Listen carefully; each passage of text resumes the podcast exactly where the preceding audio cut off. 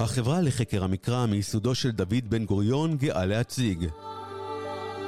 פודזקס, יהדות מעוררת השראה. מסע בעקבות עולמו של הרב לורד יונתן זקס, זכרו לברכה.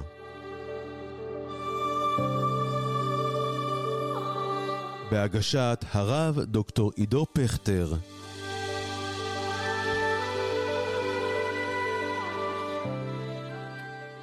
שלום לכם מאזינות ומאזינים, אנחנו בפרק נוסף בפוד זקס, והיום אני שמח לארח את נועם אורן. איתו אשוחח על נושא שהרב זקס הקדיש לו לא מעט מזמנו, והוא סוגיית ההתנגשות בין הדת והמדע. הרב זקס חיבר על כך ספר בשם השותפות הגדולה, אבל מעבר לכך הוא גם עסק בכך בלא מעט הרצאות, מפגשים ודיבייטים, שערך בין היתר עם האתאיסט המפורסם ריצ'רד דוקינס. שלום נועם. שלום, שלום. אני אזכיר שאתה דוקטורנט לפילוסופיה ומחשבת ישראל באוניברסיטה העברית, מלמד וכותב על פילוסופיה כללית והגות יהודית, כשמרכז עיסוקך הוא בפילוסופיה של השפה הדתית, ומכאן כנראה גם אתה מגיע אל הרב זקס. אז uh, את השיחה איתך אני רוצה לפתוח עם, uh, דווקא עם הרב סולובייצ'יק, ולא עם הרב זקס. הרב סולובייצ'יק שהיה uh, רבו, מורו של הרב זקס מבחינות שונות, והרב זקס כותב עליו ומתייחס אליו לא מעט פעמים. באופן מפליא הרב סולובייצ'יק טוען בפתח ספרו איש האמונה הבודד, שסוגיות דת ומדע לא הטרידו אותו. והנה הציטוט, אני מצטט ממש מתחילת אה, אה, איש האמונה הבודד. כך אומר הרב סולובייצ'יק: מעולם לא הוטרדתי באורח רציני על ידי הבעיה של תיאור בריאת העולם אשר בתורה, לעומת התיאור המדעי של האבולוציה, הן במישור הקוסמי והן במישור האורגני, וכן לא הדאיג אותי העימות של הפירוש המכניסטי של השכל עם התפיסה המקראית הרוחנית של האדם. לא הייתי נבוך בשל חוסר האפשרות להתאים את סוד ההתגלות למסגרת האמפיריציזם ההיסטורי. הרב סולובייצ'יק אומר שבעצם הוא לא מוטרד מהשאלות הללו של דת וממדע, מה קורה עם התיאורים של הבריאה לעומת מה שאנחנו יודעים במסורת או במדע. אה, הוא אומר שהוא לא מוטרד בין המטריאליזם, המכניזם של הגוף האנושי לעומת התודעה והרוח שנמצאת במקרא, ובעצם הרב סולובייצ'יק נותן לנו גישה, הייתי אומר אולי קצת יותר אה, בוגרת ביחס לשאלות הללו, שבאמת אומר הרב סולובייצ'יק, אנחנו כבר עברנו את השלב הזה של דת ומדע, אנחנו יודעים שאנחנו מדברים במישורים שונים, ומה שמטריד את הרב סולובייצ'יק זה בכלל עניין אחר, התודעה המודרנית, המנוכרת, החוויה הזאת. והנה, הרב זקס מגיע אחריו, אבל בעצם מחזיר אותנו אחורה, ועוסק בשאלות של דת ומדע, בחירה חופשית וכדומה. אז האם הרב זקס מקדם אותנו, או הרב זקס מחזיר אותנו אחורה? איפה הוא עומד ביחס לזה? התשובה היא גם וגם, אני חושב. הציטוט הזה של הרב סולובייצ'יק הוא ציטוט מפתיע מאוד. זאת אומרת, זה נכון שאני חושב שמבחינה סוציולוגית, רבים מאיתנו מזדהים עם העמדה הזאת. זאת אומרת, רבים מאיתנו הדתיים המודרניים, מרגישים שדת ומדע זה כבר הנחלת העבר. בעבר, אה, לא יודע מה, כשלייבוביץ' הרצה על זה, או אפילו הרב קוק, זה בטח מילא עולמות. אבל היום, אם יעשו איזושהי הרצאה כזאת, יגיעו אה, שלושה אנשים שאין להם מה לעשות או משהו כזה. אז מבחינה אה, סוציולוגית אנחנו נורא מזדהים עם הרב סולובייצ'יק, אבל אני חושב שיש פה אמירה באמת רדיקלית. זאת אומרת, הרב סולובייצ'יק, גם בתור בן אדם שמצוי בעולם המדע, זאת אומרת, לא מדובר פה באיזה רב חרדי שאומר, המדע לא מטריד אותי. זה לא סוג האמירה הזאת, זה מישהו שמכיר היטב את המדע, והוא אומר, משהו פה לא נמצא בסתירה, לא מתנגש לי, וזה לא כזה מטריד אותי. וכאמור, באמת כן מטריד אותו שאלות שקשורות לדת ומדע, אבל יותר במישור הסוציולוגי גם. זאת אומרת... לא אקזיסטנציאליסטי? אקזיסטנציאליסטי, זאת אומרת, איך, כן. איך האדם הדתי יכול לחיות בעולם מדעי. אבל לא הסתירות בין טענות מדעיות לבין טענות דתיות, זה לא מטריד אותו. ובאמת יש איזשהו, באמת איזושהי תחושה בעולם הכללי שעברנו את שאלת הדת והמדע. אני חייב להודות שברמה האישית אני חושב שלא עברנו את שאלת הדת והמדע. זאת אומרת, זה לא שניתנו פתרונות מיישבים את הדת, זה פשוט איזושהי אופנה שחלפה לה.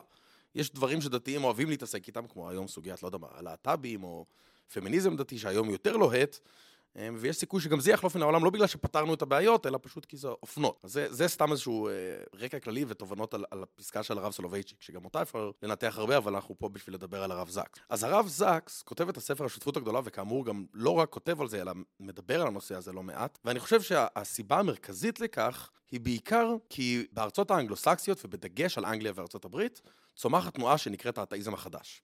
וזו תנועה שהרב זקס מכיר היטב, אולי אפילו אפשר להגיד מוקיר, והוא רוצה לענות, להביא, לספק לה תשובה כנה, אמיתית, גם בתור מנהיג דתי, זאת אומרת, לספק איזושהי תשובה חינוכית לקהל שומעיו, וגם כפילוסוף. זאת אומרת, אני רוצה באמת להגיב להם תשובה אה, רצינית. למה? כי זה מאיים על היהדות? יש שם איום שהאנשים ילכו אחרי הדעות הללו ויזנחו את המסורת, את היהדות, או שיש כאן עניין פילוסופי גרידא? אז, אז בואו נדבר על האתאיזם החדש שנייה ונבין מה, מה העמדות שלו. זאת אומרת, כן. מה, מה, מה קורה חדש באתאיזם הזה. אז האתאיזם החדש זה בעצם תנועה של ארבע אה, דמויות אה, אה, מרכזיות, שכל אחת מהן נטועה עמוק בעולם המדע, וחלקן גם עמוק בעולם הפילוסופיה. הדמויות, רק להזכיר אותם, זה ריצ'רד דוקינס הוא באמת המפורסם שבהם, סאם האריס, כריסטופר היצ'נס ודניאל דנט. זה ארבעת הדמויות. הם קוראים לעצמם לפעמים ארבעת הפרשים, The Four Horsemans, שמקדמים את האתאיזם החדש. ודבר ראשון צריך לדבר, להגיד על זה שהם נורא רהוטים. זה חבר'ה מאוד מאוד מאוד רהוטים, שבמובן הזה, גם אם לא היה להם תורה חדשה, יש להם כוח שכנוע חזק. לחבר'ה האלה אי אפשר להתעלם מזה. עכשיו, מה כל כך חדש באתאיזם שלהם? הרי האתאיזם קיים מקדמת דינה, כן, אמר הנבל בליבו אין אלוהים, זה מופיע בתהילים. אמ, אז מה כל כך חדש באתאיזם החדש? אני חושב שאפשר להצביע על שני דברים שחדשים באתאיזם החדש. דבר ראשון, זה שמבחינתם אתאיזם זו עמדה מובנת מאליה. אם תחשוב על שפינוזה, או ניטשה, או הוגים שקוטלגו כאתאיסטים לאורך ההיסטוריה, הם חשבו שאתאיזם זה נכון, זו עמדה נכונה, אבל זו עמדה נורא מתוחכמת. קשה להגיע אליה. קשה להחזיק בה. הם חושבים להפך, זאת אומרת, האתאיסטים החדשים חושבים שכל אדם שעיניו בראשו, אם הוא קצת משכיל, הוא אמור להיות אתאיסט. זאת אומרת, עמדה דתית מבחינתם היא מגוחכת, היא לא רק שגויה. שגויה גם זה שפינוזה חשב, אבל מגוחכת, זה פשוט לא דבר שניתן להעלות על הדעת. לדוקינס יש איזשהו ציטוט, שאדם דתי הוא או משוגע או מטומטם. זאת אומרת, צריך להיות מאוד מאוד בעמדה נפשית או פסיכולוגית מאוד אה, רדיקלית כדי באמת להיות אדם דתי. זה באמת אה, נובע מהמפנה המודרני, שבאמת אה, מות האל, נקרא לזה כן, ככה. כן, כן. שהציב כן. את האדם, מציב את האדם במרכז, ונקודת המוצא היא שאני לבדי, ואדרבה, עכשיו הדתי צריך להוכיח את קיומו של אלוהים. נכון, אבל בשונה למשל מניטשה, שמכריז על מות, מות האל, ניטשה באמת, כשהוא אומר, אבל זה קשה לאמץ את מות האל. יש לזה השלכות על החיים שלנו, כי העמדה, גם מבחינה פסיכולוגית וגם מבחינה אולי אפילו אה, פילוסופית ראשונית כזאת, יותר קל להיות דתי. כן. ואצל ריצ'רד הוקינס ואצל סאם האריס ודנט וכל החבר'ה האלה, מבחינתם המובן מאליו זה, זאת אומרת, המובן מאליו זה אתאיזם. אז זה, זה, זה חידוש ראשון של אתאיזם החדש, והחידוש השני, זה שהדת אינן, היא לא רק שגויה, אלא היא גם רעה. ובמובן הזה אנחנו נלחמים בדת, זאת אומרת, ארבעת האתאיסטים החדשים, וממשיכיהם, ואלה שתלמידיהם, הם מיסיונרים של חילון. זאת אומרת, הם לא רק אומרים אתם טועים, אלא אתם רעים. כי הדת גורמת לכם. למלחמות וגורמת נכון. לכל מה שאנחנו, אלימות שאנחנו רואים בעולם. כן, כשכריסטופר ריצ'נס כותב את הספר שלו, God is not great, אז הכותרת משנה של הספר זה מדוע הדת מרעילה את הכל. זאת אומרת, הכותרת היא אומרת, הדת מרעילה את הכל. אז יש פה איזושהי טענה שהיא באמת, לא יודע, אפילו שפינוזה חושב שיש בדת דברים טובים, גם אפילו ניטשה חושב את זה. אז החבר'ה האלה ממש חושבים שהדת היא ממש מרושעת. וכאמור, לכל זה מתווסף יכולת רטורית מרשימה מאוד, וגם ידע מדעי מאוד מאוד רציני, זאת אומרת, אנשי מדע הם, אה, הם משכמם ומעלה, והם גם באנגליה, כן, אה, אה, דוקינס וכריסטופר ריצ'נס אנגלים, זהו, זה, זה, מעניין ש, זה מעניין שזה צומח דווקא באנגליה, מדינה עם אופי מאוד מאוד דתי. נכון, שהממלכה, נכון. כן, המלוכה, בית המלוכה קשור לכנסייה וכן הלאה. כן, מאוד... והיא צומחת באליטה האינטלקטואלית, זאת אומרת, זה חבר'ה של בוגרי אוקספורד, דוקינס עדיין באוקספורד, זאת אומרת, זה חבר'ה שגם, אני מניח ש, שהרב זקס נתקל בהם או בדומיהם במהלך אה, הקריירה האקדמית שלו. אז כן, זה תנועה חדשה שצוברת תאוצה משמעותית גם בעולם האינטלקטואלי האקדמי וגם בעולם האינטלקטואלי הרחב, והרב זקס רוצה לתת מענה לאתגר הזה. אז זה מעניין, אז הרב זקס לא בעצם בא להילחם איתם, אלא בעצם בספר שלו, ואולי כאן תצלול לעומק הטיעון שלו, אה, הספר, אה, הספר שלו, The Great אה, Partnership, כן, השותפות הגדולה, הוא דווקא מציע שותפות עם, נכון. עם המבט הזה, נכון? זו נקודה מעניינת. זה מעניין, השותפות, זאת אומרת, רשמית, מה שהוא מציע שותפות זה בין הדת למדע. כמובן שדוקינס וכאלה מדברים בשם המדע, אז יש איזשהו מובן שאני מציע לכם שותפות. אבל השותפות הרשמית שהוא מציע זה שותפות בין דת למדע. אוקיי? זה השותפות, ובואו אני אראה לכם שהדת והמדע אינם אויבים זה לזה. זאת אומרת, דוקינס וכל האלה טוענים, הדת והמדע, זאת אומרת, כל אדם שיש לו קצת השכלה מדעית צריך להיות אתאיסט. הוא אומר, לא, לא, לא. לא רק זה, כל אדם שהוא דתי הוא נצרך. אה, כל אדם שהוא מדעי נצרך לדת. אנחנו, שותפ... אנחנו חיים בשותפות, וזו שותפות נצרכת. כל צד צריך את הצד השני. אז זו, זו המשנה שהוא מנסה להגיב אליהם, וכאמור, לא רק בספר הזה, יש גם, השומעים מוזמנים לחפש ביוטיוב, יש לא מעט ויכוחים שהוא... הוקלטו והועלו בינו לבין ריצ'רד דוקינס, דיונים מאוד מאוד מעניינים. נכון, אז, אז, אז, מה, אז בוא תיתן לנו את הסימנים הראשונים. אז איך באמת יוצאים אל המסע הזה, אה, דת ומדע? אתה אומר, הערעור הגדול של היום הוא בעצם אה, האלוהים. שאלת האלוהים, זו השאלה הגדולה שה, שהמדע אה, מציב לנו את זה. אגב, זה באמת יכול להתחבר לחוויה הקיומית של הרב סולובייצ'יק, מה זה לחיות בעולם בלי אלוהים? כלומר, זה לחיות באמת בעולם מנוכר, זה מאוד מתחבר לממד שהרב סולובייצ'יק מדבר עליו. מה הרב זקס מציע? אז לפני שאני מציע ממש את העמדה של הרב זקס, אני רוצה לעשות איזושהי סקירה מאוד תמציתית של מה בכלל קשת העמדות הקיימות, ואז נוכל יותר בקלות למקם את הרב זקס. אז אני משתמש פה במודל של אה, ג'ון הרמן רנדל, פילוסוף אמריקאי, לא כל כך מפורסם, אבל שהציע איזה מודל נורא נוח לחשוב על איך בכלל מתייחסים לשאלה של דת ומדע. אז הוא אמר שבעצם יש שלוש דרכים שונות להבין את היחס בין דת למדע. דרך אחת, זה, הוא קורא לזה אמ, השיטה האחדותית, שבעצם שני התחומים מתעסקים באותם תחום, באותו תחום, שניהם מנסים לגלות אמיתות על העולם, וברגע שיש איזה מתח ביניהם, חייבים לזנוח את אחד מהם או להראות שאין באמת מתח.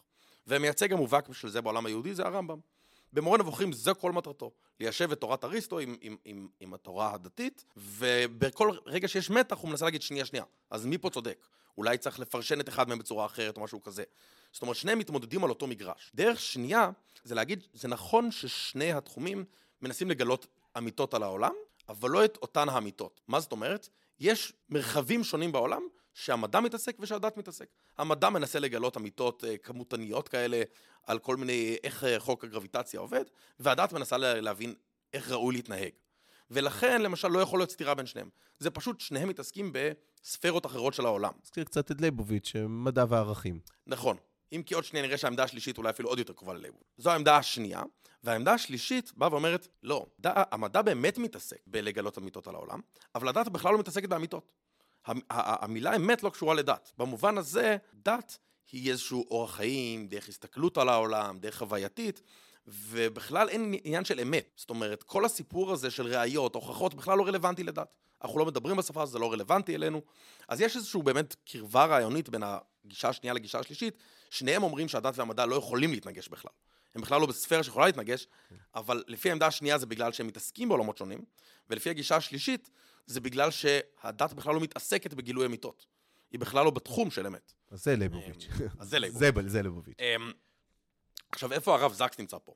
אני חייב להגיד שהרב זקס קצת נע ונד. הוא נע בין הגישה השנייה לשלישית. אני חושב שהוא בכלל לא מאמץ את הראשונה, והוא אפילו ממש מתנגד לראשונה. אגב, אני חייב להגיד שבהקשר האורתודוקסי זה נורא מעניין שיש רב אורתודוקסי, מנהיג ציבור, שתוקף ישירות את הרמב"ם. זה לא קורה הרבה. זה קורה לפעמים לאורך ההיסטוריה, אבל יש לו בספר הזה, השותפות הגדולה, כמה וכמה עמודים, אם אתה רוצה, אפשר גם לקרוא חלקים מהם, שבהם הוא ממש תוקף את הרמב"ם, מבחינת, הוא מזהה את שורש הבעיה ברמב"ם. שורש הבעיה, זה שהצמיח את ריצ'רד דוקינס, זה הרמב"ם. הרמב"ם גרם לנו לנסות לאחד בין הדת והמדע, ולהגיד כל פעם שיש סתירה, שנייה, שנייה, חייבים למצוא איזשהו פתרון, והוא אומר, זה מה שגורם מצד אחד לריצ'רד דוקינס לחשוב שהנה, יש סתירה בין דת ומדע, לכן חייב להיות שהדת שקרית, ומצד שני, לכל מיני הוגים דתיים, להגיד יש סתירה בין דת ומדע, לכן המדע שקרי. הוא אומר, זה, שורש הבעיה הוא ברמב"ם שאיחד את תורת יוון, כך הוא קורא לזה תורת יוון, עם תורת ארץ ישראל. עם מתונה וירושלים. זה אמור להיות שני תורות שמלמדות אותנו דברים שונים על העולם. אז אני אומר, מה שהרב זקס החזיק בו זה בעצם העמדה, מצד אחד הוא חושב שהדת מגלה לנו אמיתות על העולם, אמיתות שאינן באותו תחום של המדע, במובן הזה לא יכול להיות אבל היא לא מלמדת אותנו רק אמיתות על העולם. היא גם מלמדת אותנו דרך הסתכלות, חוויה, במובן הזה הוא מאמץ את המודל השני והשלישי גם יחד. זאת אומרת, הדת היא קצת יותר מורכבת מרק אוסף טענות, והיא גם מביאה לנו איזושהי פרספקטיבה, דרך חיים, להתבונן על העולם. מה באמת האמיתות הללו שהדת, אה, שהדת אה, מלמדת? אני חושב שהאמיתות האלה הן אמיתות שקשורות לאתיקה. אתיקה במובן הרחב, לא רק איך להתנהג עם חבר שלך, אתיקה של, במובן של איך לחיות את חייך, מה הם חיים ראויים. הדת מלמד אותנו מה הם חיים בעלי משמעות. עכשיו, הרב זקס הוא לא איזה אמ, רלטיביסט או כזה שחושב שאין אמת מוסרית, הוא חושב שיש אמת מוסרית. אז כשהדת מלמד אותנו מוסר היא מלמדת אותנו אמת, אבל היא לא מלמדת אותנו רק אמת, אוקיי? היא מלמדת אותנו גם איך לחיות, איך לחוות את העולם, איך להסתכל על העולם. בלא מעט ציטוטים, וגם אני זוכר מהרצאה ששמעתי מהרב זקס, הוא דיבר הם, על הדת כמוזיקה, אוקיי? עכשיו, מוזיקה זה דוגמה נפלאה למשהו שאין בו אמת. זאת אומרת, כי אין בו טענות. אתה שומע יצירה של באך, זה לא, זה לא טענה אמיתית או שקרית, אבל אתה כן לומד משהו. הרבה פעמים בפילוסופיה נהוג להפריד בין knowing that ל-knowing how. לדעת טענה מסוימת שהיא נכונה, ולדעת איך. לדעת לרכב על אופניים, כל ספר ומדריך שתקרא לא יעזור לך לרכב על אופניים. אולי קצת יעזור לך, אבל צריך לדעת איך לעשות את זה. אז הדת מלמד אותנו גם דברים נכונים ולא נכונים על העולם, אבל היא גם מלמדת אותנו איך לחיות בעולם הזה. יש פה איזושהי פרקטיקה, איזושהי דרך להתבונן, להסתכל, לחיות את החיים, שהדת גם מלמדת אותנו. ובמקום שהדת אה, מלמדת אותנו אמיתות, שם אין סתירה בין דת ומדע? כלומר, באיך לחיות זה אני מבין, כי המדע לא עוסק בזה, הוויה, אבל שם אין אמיתות במקומות הללו? אז לא, לא יכול להיות, לא יכול להיות מתח בין, בין הדברים האלה, כי ב, יש פה איזשהו מובן שמדובר בעולמות באמת באמת נפרדים. הוא מאמץ איזשהו מודל שנקרא בעולם האמריקאי, הפילוסופי, non-overlapping magisteria. זאת אומרת, ממלכות נפרדות, okay? ממלכות שאינן עולות, ב, ב, מתנגשות זו בזו. זאת אומרת, הדת והמדע, שוב, כאמור, גם מלמדות אותנו דברים על העולם, אבל סוג הדברים שהם מלמדים בכלל לא יכולים להתנגש זה עם זה, ואני חושב שהסיבה למשל אצל הרב זקס, קצת שונה אצל הרב סולובייצ'יק, זה שמדובר פשוט בהבדל בין ought לאיז. מה זאת אומרת? המדע מלמד אותנו מה נכון על העולם, את העובדות, ולא מה ראוי שיהיה בעולם. וזה איזשהו פער שהפילוסופים אוהבים להצביע עליו מאז דיוויד יום ועד ימינו, בין עובדות לערכים. כן. זאת אומרת, עובדות המדע באמת יכול ללמד אותנו, ערכים אנחנו צריכים מקור אחר. כלומר, הכשל הנטורליסטי בין, ה, בין המצוי לרצוי. זה שזה מצוי לא אומר שזה רצוי גם. נכון, כן, זה נכון. אז יש פה איזשהו משהו שהדת מלמדת אותנו את מה שראוי, ואז אם מלמדת אותנו את מה שראוי, באמת אין, לא יכול להיות סתירה. יפה. אז, אז הרב זקס בעצם טוען שיש לזה בסיס ביולוגי, כלומר, זה הדבר אולי, נכון, שתי, שני החלקים של המוח, שתי המספרות של המוח, שיש צד אחד שהוא יותר מדעי ויש צד אחד שהוא יותר... כלומר, אנחנו, הרב זקס טוען, אנחנו ניגשים מלכתחילה לעולם בשתי צורות הסתכלות שונות. הסתכלות של מדע והסתכלות של... אה, שהדת אה, יושבת עליו, ושתי הגישות הללו נדרשות יחד כדי לספק לנו חיים מלאים. נכון.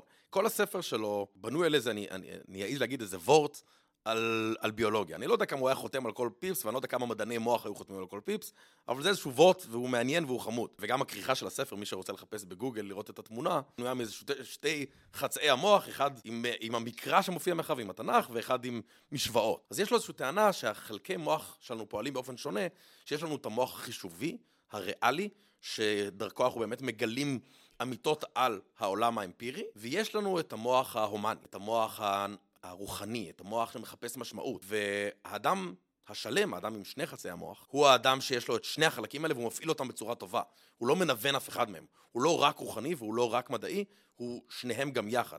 אז כל, כל הספר בנוי על שני חלקי המוח האלה, והוא גם באמת טוען שדת ללא מדע, כן, זה גם איזה ציטוט של, של איינשטיין נורא מפורסם, דת ללא מדע היא עיוורת, ומדע ללא דת הוא חסר משמעות. אז אה, יש פה איזשהו משהו ששני הצדדים נצרכים לזה לזה, לא בגלל שכל חלק הוא, זאת אומרת, המדע צריך את הדת כדי לקבל הסברים מדעיים.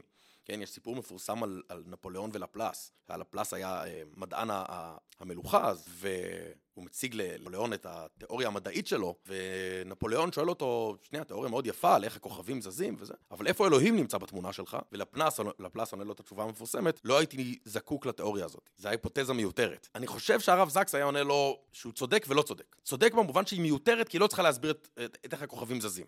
אל תשתמש לי שם באלוהים. אבל היא לא מיותרת במובן הזה שאתה צריך את אלוהים. אתה צריך את אלוהים לא בתיאוריה המדעית שלך. אתה צריך אותה כאיזושהי השלמה כי אדם שמקבל סתם איזו תיאוריה מדעית ללא אלוהים או ללא משהו מעבר למדע, יש לו איזו תפיסה מעוותת וחלקית של העולם. הרב זקס נותן לזה באמת דוגמה מאיזה מחקר שעשו במזרח ובמערב, אם אני זוכר נכון, שאומר שנתנו לקבוצת אנשים אה, שלושה איורים, והיה צריך להקיף שניים שיש להם מכנה משותף. עשו שם פרה, תרנגול ו- וחלב. ובמערב הקיפו את הפרה והתרנגול. למה? כי מבחינה קטגורית, אלו שני בעלי חיים, זו חשיבה מערבית מדעית שמקטלגת את הכל ורוצה להבחין ביניהם. ובמזרח הקיפו את הפרה ואת החלב. למה? כי הפרה נותנת חלב. כלומר, טוען החשיבה המערבי, אה, המזרחית זה חשיבה שמחפשת יותר הקשרים ויותר uh, תוכן במציאות ומשמעות.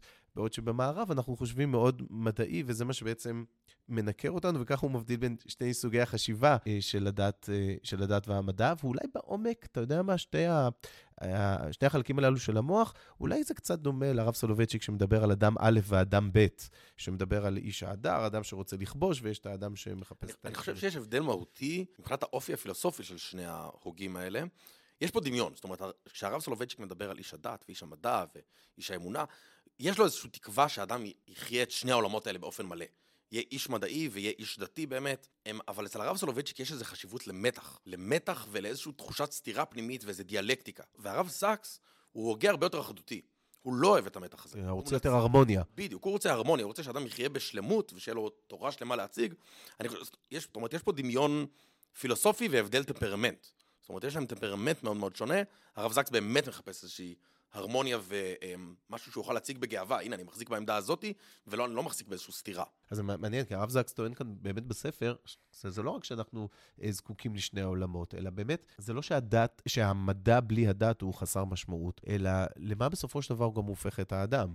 כלומר, כן, הוא מזכיר את ההתפתחות שיש בכלל אה, על איך האדם בנוי ואיך האדם נוצר, והוא מזכיר את אה, אה שפינוזה ששלל את אה, בחירתו החופשית אה, של האדם, ואחר כך הגיע קרל מרקס, שטען שההיסטוריה כולה עוצבה בידי כוחות כלכליים, ואחר כך הגיע דרווין, וכן, וזה, אה, ואבולוציה, ואחר כך מגיע פרויד, שאנחנו, שהוא מגילה את הדחפים האפלים שלנו, ואז הגיעו הנאו-דרוויניסטים. כלומר, טוען הרב זקס, בסופו של דבר יש לו משפט מאוד uh, מסעיר מהבחינה הזאת. זאת אומרת, ככל שהאנושות הבינה יותר את האדם, ככה האדם הפך להיות פחות בעל ערך.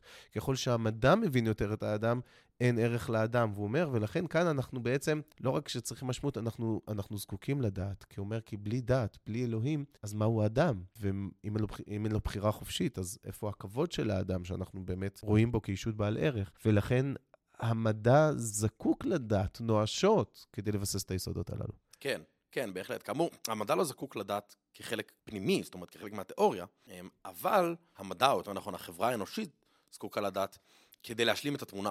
אוקיי? כי אם נחיה לאורם של דוקינס ודנט ו- וסאם האריס, אנחנו נחיה חיים דלים. נחיה חיים דלים ונחיה חיים שבאמת נראה את האדם כאוקיי, עוד איזה יצור שקיים ביקום האינסופי הזה, אמ, חסר חשיבות, שמלא בדחפים פסיכולוגיים, אמ, ואין איזשהו עניין משמעותי ביצור הזה. וכדי לייצ... לייצר תחושה אתית ותחושה של משמעות בעולם הזה, חייבים איזושהי תמונה נוספת על גבי המדע. כאמור, הוא לא סתם טוען פה איזושהי טענה פסיכולוגית, שאנחנו חייבים את הדת מבחינה פסיכולוגית. הוא גם טוען את זה. אבל הוא חושב שגם זה נכון. זאת אומרת, זה, זה, זה נכון שיש משמעות לאדם, זה נכון שיש ערך לאדם, זה נכון שראוי לחיות חיים אתיים, ובמובן הזה הוא לא ויקטור פרנקל שאומר, האדם זקוק למשמעות, כי אחרת הוא לא ישרוד. הוא טוען את זה, אבל האדם גם זקוק למשמעות אמיתית. דת עוזרת לנו לחשוף את המשמעות האמיתית. כן, זה חלק, מה, חלק מהקיום שלו.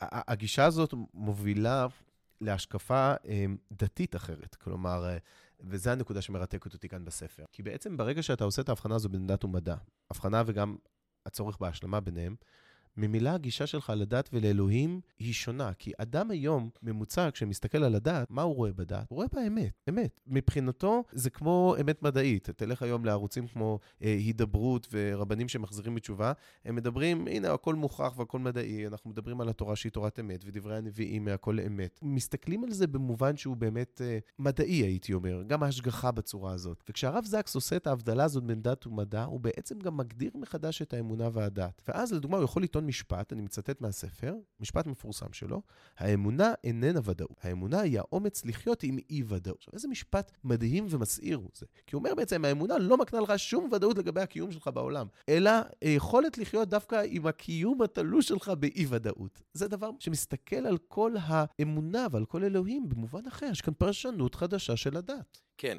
יש פה גם טענה סיסטמית, זאת אומרת, שנוגעת לכלי ההכרה שלנו את העולם, שמנביעה את הספקנות הזאת. במדע יש קצת פחות מקום לספקנות. זה נכון שהמדע הוא פרויקט ספקני במהותו, ששואל שאלות וחוקר, אבל יש לנו גם כלים מאוד מאוד טובים לגלות את האמת. וכלים מוסכמים ומובנים ומדידים וכמיתים.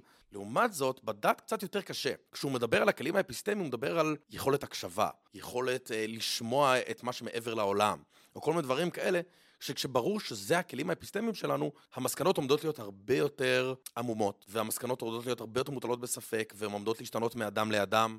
אמ, אז האפיסטימולוגיה של הדת שלו מובילה לזה שספקנות היא מן ההכרח. כי אם הדרך אה, לגלות את אמיתות הדת היא על ידי הוכחות רציונליות, אז גם שם אמורים להגיע לוודאות. וכאשר אנחנו זונחים את הפרקטיקה הזאת, ומגיעים לאיזו אפיסטימולוגיה קצת אחרת, אז כמובן שמתלווה לזה איזושהי ספקנות.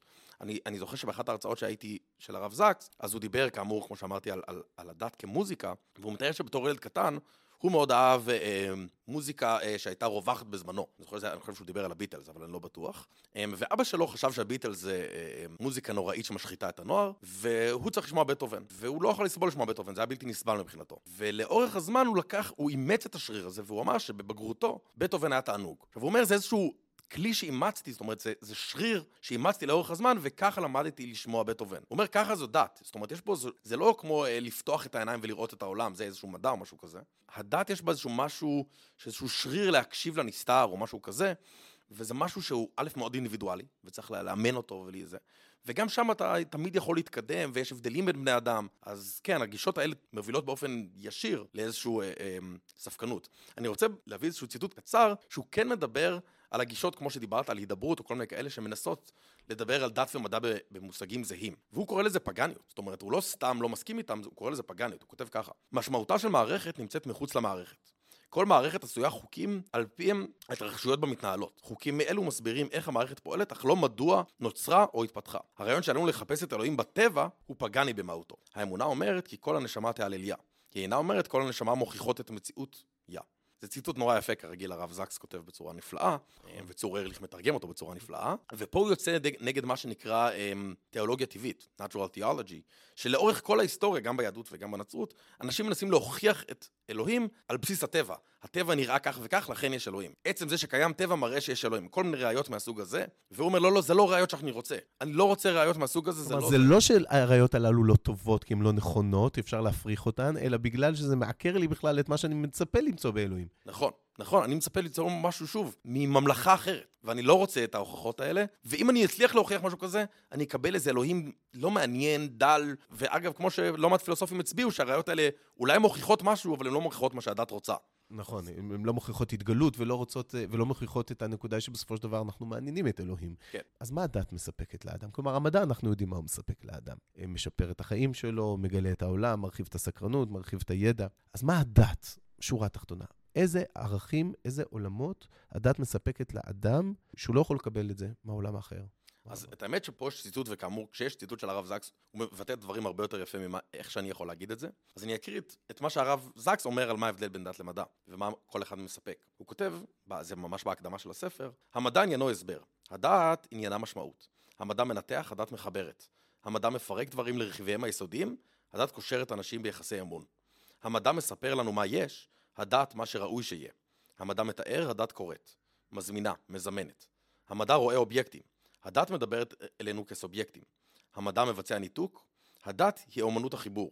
תודעה אל תודעה, נפש אל נפש. המדע רואה את הסדר מכונן, את עולם החומר. הדת שומעת את המוזיקה שמתחת לשכבות הרעש. המדע הוא ביאור הבערות. הדת היא הגאולה מן הבדידות. אני לא חושב שאפשר לסכם את זה בצורה יותר יפה. כלומר, כשאדם מגיע לעולם הדתי, האמירה של הרב זקסי בעצם, אל תחפש ודאויות ואמיתות על העולם. זה לא מה שאתה אמור לחפש שם. אתה אמור לחפש שם משהו אחר, וזה הקול שקורא לך ואומר, יש משמעות לקיום שלך. לא נולדת סתם. מישהו רוצה שתהיה פה בעולם הזה. ולכן יש לך תפקיד ויש לך משימה ויש משמעות לדברים הקטנים שהמדע יכול להסתכל עליהם בציניות ולהגיד מה הערך של זה לעומת כל הקוסמוס הגדול הזה, ואתה אומר, לא, יש איזו קריאה שלי להיות פה. הדת מאמינה אה, בחופש של האדם, נכון? יש לו פסקה שהוא מדבר על כך, נכון? אבן אין לה חופש אם ליפול או לא. המדע עובד על פי חוקיות, הוא, מסביר. אבל מה נותן לדברים, לאנושות, את החופש, את הבחירה, את היכולת אה, להיות מעבר? שם נכנס העולם הדתי. וכשאנחנו מחפשים את הערכים הללו בתוך העולם הדתי, אז אנחנו מקבלים באמת עולם אחר שלא היינו מסוגלים לקבל אותו ב... באף, אה, באף מקום ולא מהמדע. אגב, אני חייב, אני חייב להגיד הערה אחת. כאשר שומעים את הרב זקס, לא קוראים אותו, שומעים את ההרצאות שלו, פתאום רואים שמדי פעם הוא לא מוכן להתחייב למסקנות של הספר הזה עד הסוף. וזו שאלה מעניינת למה. למשל, אם, אם תראו אה, את ההרצאה שלו עם ריצ'רד דוקינס, אז פתאום ריצ'רד דוקינס באיזשהו רגע, ריצ'רד דוקינס מאוד טוב אה, בלעצבן ולמצוא נקודות מעצבנות, זה חלק מהמומחיות שלו, הוא מתחיל לשאול את הרב זקס האם הוא מאמין שקריעת ים סוף הייתה. וממש להתעקש איתו על זה. וכאלה לעמדה של הרב זקס, באמת מבחינה פילוסופית, התשובה שלו בעצם לא אכפת לי. זאת אומרת, בעצם אני לא מתעסק בשאלות היסטוריות. ובהתחלה הוא באמת אומר לו את התשובות האלה, בעצם תעזוב אותי מהשאלה הזאת. וריצ'רד דוקינס מתעקש איתו, בוא תענה לי אבל היסטורית, מה היה שם, אוקיי? היה או לא היה? והרב זקס לא מוכן להגיד, לא משנה לי אם היה או לא היה. ואני חושב שזה זה מעניין למה הוא לא מוכן להגיד את זה, כי מהספר זה ממש נובע, אוקיי? הוא ממש טכנית פילוסופית יכול להגיד את זה. ואני חושב שפה יש גם הבדל בין הרב זקס הפילוסוף לבין הרב זקס המנהיג. זאת אומרת, הרב זקס הוא מנהיג ציבור דתי. ובמובן הזה הוא לא אומר דברים שלא יישמעו. הוא יודע שהוא אה, אמירה כמו קריעת ים סוף ממש לא משנה לי אם היא הייתה או לא הייתה, אמ, היא אמירה שלא תתקבל בקלות, ולכן הוא באמת אה, לא אומר את הדבר הזה במפורש, הוא אפילו מזכיר את כל הדברים ששומעים מאתר הידברות, כל מיני, יכול שהייתה רוח מספיק חזקה שקראה את הים, פתאום מזכיר את זה שזה כל כך לא מתאים לו, אבל הוא פתאום מזכיר את זה. אז אני חושב שזו תובנה כללית על הרב זקס, צריך לשים לב מה הוא אומר, מתי ולמה זה, זה נכון גם לא לגבי הרב זקס, זה נכון לגבי כולם, נכון. אבל הרב זקס הוא באמת דמות, הוא לא פילוסוף שיושב במגדל השן ומנסח תיאוריות שלא ממש אכפת לו מי קורה ומה קורה ומתי, הוא רוצה להשפיע, והוא מנהיג, והוא יודע גם שהוא יושב, יש לו סמכות מסוימת, אז כשהוא אומר דברים בהקשר גם של דת ומדע וגם בהקשרים אחרים, צריך לשים לב למה ואיך הוא אומר את זה, ואם קוראים את השותפות הגדולה לצד ההרצאה שלו, אני חושב שגם קל להבין מה באמת עמדתו. אתה יודע, אני גם חושב שאם אתה משווה את השותפות הגדולה לספר הדרשות שלו, לדוגמה, שם בדרשות שלו הוא כן ידבר שכן, אמיתות היסטוריות, וכן, אה, יש לנו הוכחות שדברים כאלה קרו. הוא מזכיר בקריאת ים סוף, הוא מדבר על זה כמדומני, והוא מדבר על עוד כל מיני בספר דברים. אז שם באמת אתה צודק, הוא כן משתמש באלמנטים שהם כאילו יותר מדעיים, למרות שכאן הוא באמת אה, מתרחק מהדבר הזה, כי הוא אומר, כי זה באמת, זה לא רלוונטי, השאלה הזאת לא רלוונטי, תוכיח או לא תוכיח, זה, זה לא מה שאני מחפש אה, מהדת, אני מחפש את השאלות לקיום האנושי, אני לא מחפש את, ה, אה, את האמיתות ההיסטורית. ואני רוצה באמת לצטט לך אה, קטע מהספר שלו בסוף, שהוא אומר, אמונה היא האומץ להסתכן. ואז הוא אומר, ומה אם אני טועה? אז הוא אומר, בעיניי מוטב לחיות מתוך אמונה שהעולם והאנושות טובים, ולא שהם רעים. כלומר, בסופו של דבר, אמונה ודעת זה מגיע גם ממקום של באיזה עולם אני בוחר לחיות. אגב, פה, פה הוא מצטט, לא יודע במפורש, אבל ברור שבאופן עקיף, את ויליאם ג'יימס, שבאחד המאמרים המפורסמים שלו, הרצון להאמין, כותב שהחשש הגדול של המדענים זה לטעות. או בכללי החשש הגדול המערבי, אוקיי? זה לצאת מטומטם. אני לא רוצה לטעות. והוא אומר, הם לא... הם, המחיר שלהם של לא לטעות, זה גם לא לאמץ הרבה אמונות נכונות, כי אני מפחד לטעות. וויליאם ג'יימס מעודד את המדען, וגם את איש הדת כמובן, לא לפחד לטעות כדי לקבל עוד איזשהו אמיתות גדולות. זאת אומרת, יש פה איזושהי תנועת נפש שהיא לא הכרחית, אתה לא, אתה לא חייב לפחד מלטעות, זה, זה בהחלט פחד. הוא לא שולל את הפחד הזה, אבל אתה צריך גם לפחד שלא תחזיק באמת. וזה פחד לא פחות גדול. ואני חושב שהרב זקס, בקטע שציטטת, ולאורך כל הספר, אומר, אל תחששו להאמין במשהו בלי ראיות הכי ודאיות מדעיות מסוג הזה, כי אם זה נכון, זה הדבר הגדול ביותר שיש. יפה. אז יש כאן באמת קריאה לאמונה מסוג אחר, קריאה ל, אה, להבנת העולם ביחסים מדת ומדע. יפה, תודה לך, תודה לך, נועם, על שיחה מרתקת. תודה לך. ועד כאן עוד פרק בסדרת הפודזקס. אני עידו פכטר, שמחתי להיות איתכם בפרק הזה, נשתמע בפרקים הבאים. האזנתם לפודקאסט פודזקס, מסע בעקבות עולמו של הרב לורד יונתן זקס, זכרו לברכה, בהגשת הרב דוקטור עידו פכטר. החברה לחקר המקרא מיסודו של דוד בן גוריון מבקשת את תשומת לבכם לתרומה להמשך פעילות העמותה. לפרטים היכנסו לאתר www.המקרא.org